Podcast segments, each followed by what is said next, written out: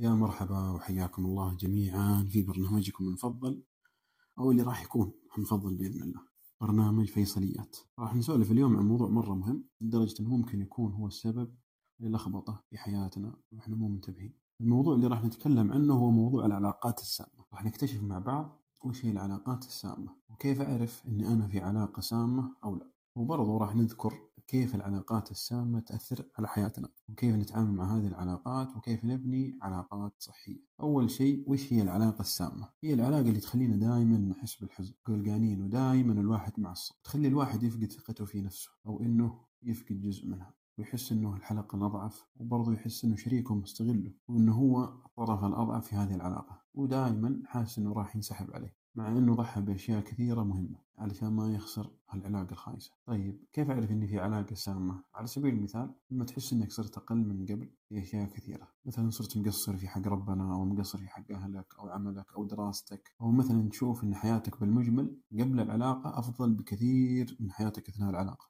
مو تكون أنت أصلا مجنون وأنت السام وتعيش دور الضحية. طبعا موضوع دور الضحية ذا ممكن يتسوى عليه أفلام. لكن مو موضوعنا لا. المهم لما تكون دائما دائما منتقد ورأيك مو مهم. لا وكمان يتحكم بكل تصرفاتك. ليش تسوي؟ وليش ما تسوي؟ ليش تلبس؟ وليش ما تلبسي؟ ليش ما أكلتي؟ ليش ما شربتي؟ ليش رحت؟ ليش طلعتي؟ ليش وليش؟ ليش وليش؟ طبعا الحاجة وضدها. ليش سويتي وليش ما سويتي؟ ما يخلي لك حتى تختار متى تروش لا وتلاقيه مرة يخاف على مشاعره وانت مشاعرك ولا فارقة معه. على أساس إنه هو يحس وانت جدار ما تحس. وطبعا لما تلاقي إنك قاعد تحارب وتجتهد وتضحي بكل شيء علشان طويل العمر يكون راضي ويقدر تضحياتك. ابدا ولا كأنك سويت شيء. لما تلاقي نفسك صرت تحب تجلس لحالك ولا عاد تبغى تجلس مع أحد وبديت تحس إنك انصفقت بطيف توحد. بس هنا أعرف إنك قد وقعت في الفخ وإنك الحين في علاقة toxic. اهرب ليش أقول لك سامة؟ اهرب اشرد فرك سميها زي ما تبغى. المهم إنك تنهي ذي العلاقة أو تجعل لها حد. ليش أقول لك لازم تنهيها؟ أنا أقول لك ليش يا حلو؟ لأن هذه العلاقة راح توديك في ستين داهية. توديك لعالم القلق والاكتئاب والمرض والتعب وراح تخلي ثقتك في نفسك تقل أو تنتهي.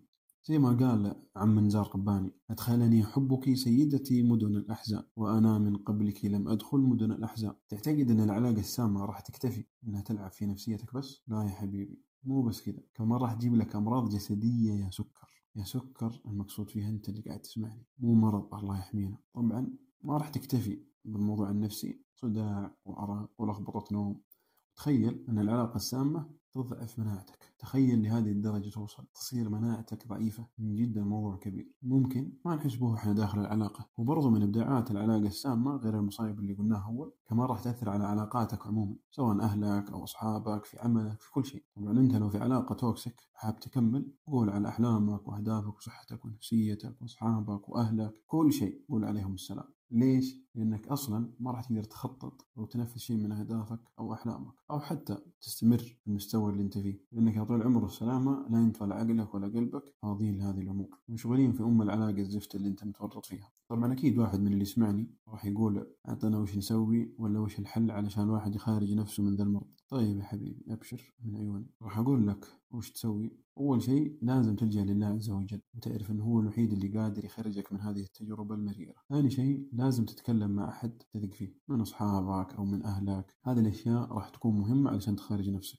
وبعدين لازم تراجع نفسك. وتشوف وش الأشياء اللي تتقبلها وتستمر فيها وإيش الأشياء اللي أصلا ما كنت تتقبلها وتوقف عنها تماما. يعني مثلا أنت كنت تعتذر حتى لو ما أنت غلطان. هذه نبغى ننساها. فكرة بتأسف وأنا ما خطيت لأني بالفعل حبيت ترى ما هي كويسة مع كل الناس. سيبك من ذا الكلام اللي يودي في داهية. أو إنك تسوي أشياء ما أنت راضي عنها. هذه لازم توقفها. وطبعا كلامي كله أنت كرجل أو أنت كامرأة. كل جانب وفيه الشريك السام. أو مثلا صرت تقدم شريكك على أشياء مهمة. مثلا على موضوع لأهلك ما ينفع تأجل عشان خاطر عيونها. أو إنك يكون عندك اختبار وقاعد تذاكري ويتصل عليك هاتف اللذات تقولي ماني مذاكرة خليني أسولف معاه وتنسي مذاكرتك علشان طير شلوى هنا لازم تعيد حساباتك أو تعيد حساباتك. واللي يزعل من الصح يضرب راسه بالجدار. وبرضه لازم تعبروا عن مشاعركم وش الأشياء اللي تتمنوها من شريككم. اجلسوا مع بعض سولفوا فضفضوا. لازم تتفقوا يا إنكم تعدلوا من أم العلاقة المرضى هذه ولا زي ما قالوا. تمشي بطريق وأنا بطريق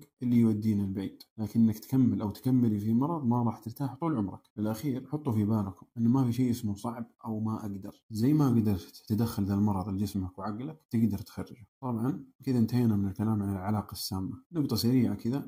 كيف الواحد أصلا يبني أو يأسس لعلاقه صحية، علاقة حلوة فيها احترام واهتمام متبادل وتقدير، أول شيء اختاره بعناية، يعني مو كل شيء يمر من قدامك أو قدامك. أبني معه علاقة أو أحبه، ثاني شيء والله ما في أحسن من الصراحة والوضوح، كل واحد يقول وش الأشياء اللي يحبها وإيش الأشياء اللي يكرهها وإيش اللي يتمناه، مو نقعد نلف وندور على بعض ونعيش دور المثالية موهومين نسوي عكس مبادئنا وقناعاتنا أو طبيعتنا عشان نعجب زي ما كان يقول جدي الله يرحمه كفر صريح ولا دين مخشخش. ومن الأشياء المهمة برضو أنك تكون صادق مع نفسك قبل ما تكون صادق مع الناس. لا تدخل علاقة كلها تضحيات منك أو علاقة كلها فروقات أو اختلافات. شوف وش اللي يشبهك ويشبه مبادئك ويشبه ثقافتك وابني معاه علاقة. طبعا ما أقول لك خذ أو خذي شخص نسخة منك. الواحد يبني علاقة مع شريك يشبهه وبرضه حط في بالك كل علاقة فيها خلافات واختلافات بس في المعقول؟ ولازم نتعلم كيف نتعامل مع الخلافات والاختلافات.